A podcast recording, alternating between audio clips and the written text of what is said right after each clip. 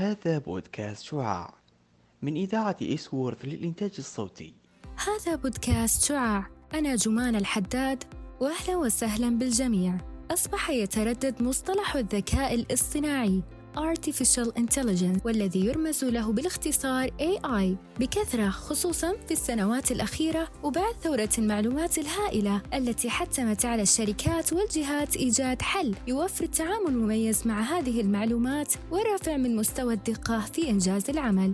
دعونا الآن نتحدث عن تعريف وتصور عام عن هذا التخصص. يعد الذكاء الاصطناعي أحد أهم تخصصات الحاسب، وهو أحد الركائز الأساسية التي تقوم عليها صناعة التكنولوجيا في العصر الحالي. يمكن تعريف مصطلح الذكاء الاصطناعي بأنه تمكين الآلات والأجهزة الرقمية من القيام بمهام تحاكي وتشبه المهام والأعمال التي تقوم بها الكائنات الذكية وخاصة البشر مثل القدرة على اتخاذ القرار والحركة والتفكير والتعلم من التجارب السابقة أو من بيانات معينة وغيرها من العمليات التي تتطلب قدرة ذهنية. اشتهر لدى الكثير تصور خاطئ عن التخصص، وهو ربط الذكاء الاصطناعي فقط بصناعة وبرمجة الروبوتات، تخصص الذكاء الاصطناعي لا يقتصر فقط على الروبوتات وإنما يتفرع لمجالات كثيرة جدا هدفها الأساسي مساعدة البشر والتطوير من مجالات الحياة أما عن مميزات هذا التخصص فإن أهم ما يميز تخصص الذكاء الاصطناعي هو المستقبل الباهر الذي يتمتع به والتحول الهائل والملحوظ لإدخال هذا التخصص في جميع قطاعات ومجالات المجتمع. من أهم المزايا للتخصص أن لديه حضور في كل مجال مجالات الحياة مثل الطب والتعليم وغيرها. خصوصا الطب فهو داخل ومؤثر فيه بشكل كبير جدا. وهنا المهارات المطلوبة للتميز أثناء الدراسة. يندرج تخصص الذكاء الاصطناعي تحت المسار العلمي أو الهندسي مما يتطلب حصول المتقدم على شهادة ثانوية علمية. من المهم ذكر أن التخصص يحتاج أن لا يكون لدى طالبه صعوبات في الرياضيات والفيزياء واللغة الإنجليزية. أيضا المواضيع التي تتعلق بالأحياء والطب توجد بكثرة في مواد التخصص وخصوصا عند دراسة تعلم الآلة وتصميم برمجة الروبوتات. كما أنه يوجد العديد من المصادر على الإنترنت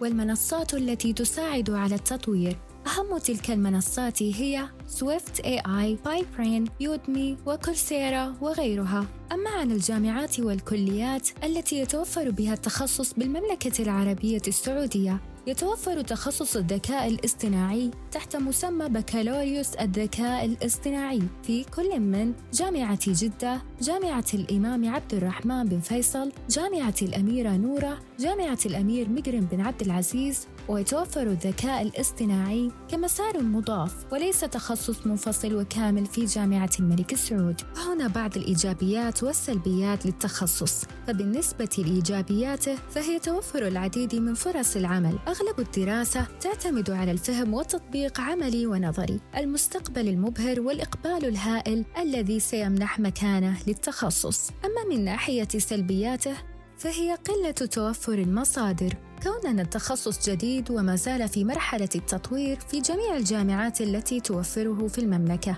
مواد التخصص تعد كثيرة وقد تصل لست مواد في الفصل الواحد وهذا ما يعتبر كثير مقارنة بتخصصات الحاسب الأخرى. مجالات وفرص العمل. يتميز التخصص بتوفر فرص كثيرة في مجالات وقطاعات عمل كثيرة جدا ومستقبل قوي للغاية. من أشهر المسميات الوظيفية لخريجي الذكاء الاصطناعي هي محلل بيانات، مهندس ذكاء اصطناعي، مهندس تعلم آلة، مبرمج ذكاء اصطناعي، مهندس روبوتات.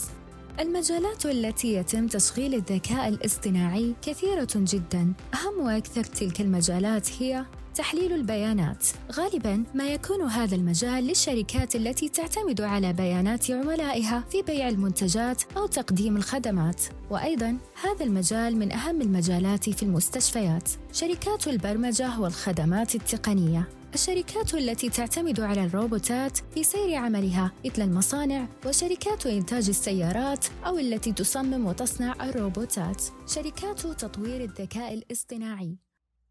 ختاما. كم يرفع العلم أشخاصا إلى رتب ويخفض الجهل أشرافا بلا أدب. وفي ازدياد العلم إرغام العدا وجمال العلم إصلاح العمل. وإلى هنا أعزائنا المستمعين وصلنا إلى ختامية حلقاتنا للموسم الأول من شعاع. نتمنى أننا أفدنا أكبر عدد من الطلاب المقبلين على الجامعة. فريق شعاع يستودعكم الله على أمل لقائكم في حلقات أخرى. إلى اللقاء.